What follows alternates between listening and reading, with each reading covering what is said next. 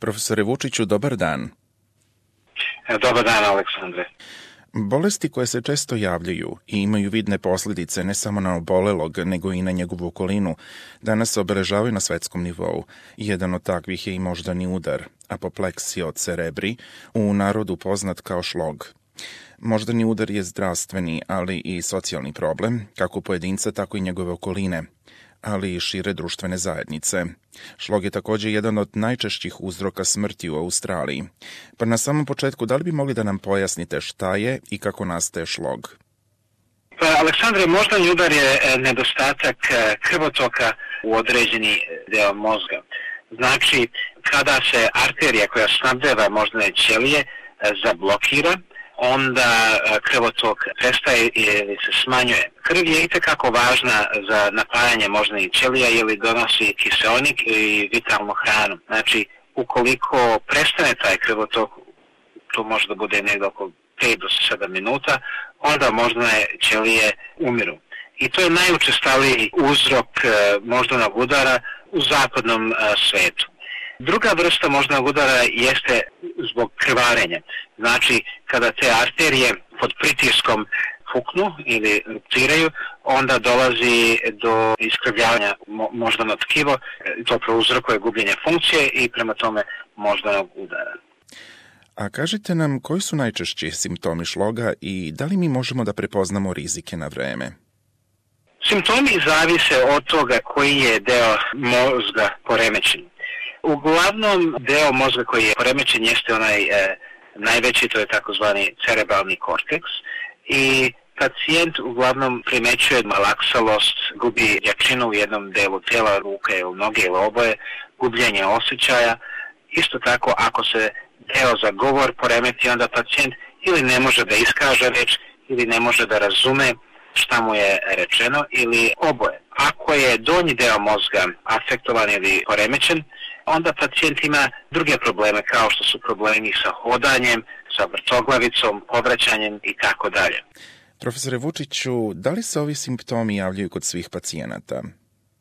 Pa, simptomi sve zavise od toga koji je deo mozga poremećen. Znači, kod pacijenata može da se javljaju različiti simptomi, ali uglavnom pacijenti imaju problema sa pokretanjem noge ili ruke, sa pokretanjem dela lica i sa govorom. To su najupečatljiviji simptomi i to su ti koji se moraju prepoznati. Ukoliko pacijent prepozna te simptome, jako je bitno da se pozove hitna pomoć, jer vreme je vrlo bitno u ovakvoj situaciji. Tako, što više gubimo vremena, sve je gora prognoza u pacijentu. A da li bi mogli da nam kažete ko je inače više ugrožen od šloga, ženi ili muškarci? U svakom slučaju moždani udari su više učetljiviji kod muškaraca, znači negde e, oko 25% je veći rizik za muškarce da imaju moždani udar. Ali interesantno da žene koje imaju moždani udar, one e, imaju veći procenat loše prognoze, znači više problema e, sa poremećajima i veća je stopa umrlosti kod žena. A kakve posljedice ostavlja šlog? Pa moždani udar može da ostavlja jako velike tragove pacijentima. Znači, pacijent može da dobije paralizu jedne ili druge strane, tela može da ima permanentan problem sa govorom, može da ima problema sa hodom, čak što više i da se izgubi vid. Tako da moždani udar je vrlo, vrlo opasan po tome da pacijent e, ostane hendikepiran, da da ne može više da radi, da je jako teško pacijentu da živi život kakav je pre moždanog udara živeo. Međutim, imate blaže vidove moždanog udara, gde pacijent ima dosta dobar oporavak, tako da su ti simptomi e, i tekako blagi, onda pacijent može da se vrati na, na njegov ili njen pređašnji život. A kažite nam koji su vidovi lečenja od posljedica šloga i koliko su oni uspešni? Lečenje moždanog udara se deli u tri etape. Prva je ta akutna etapa kad pacijent se dobije moždani udar ili je u procesu dobijanja moždanog udara, onda je jako bitno da se pacijent e, doveze u bolnicu, jer ukoliko dođe u bolnicu u, u roku od 4 sata od početka simptoma, može da se da jedna vrsta terapije koja se zove tromboliza.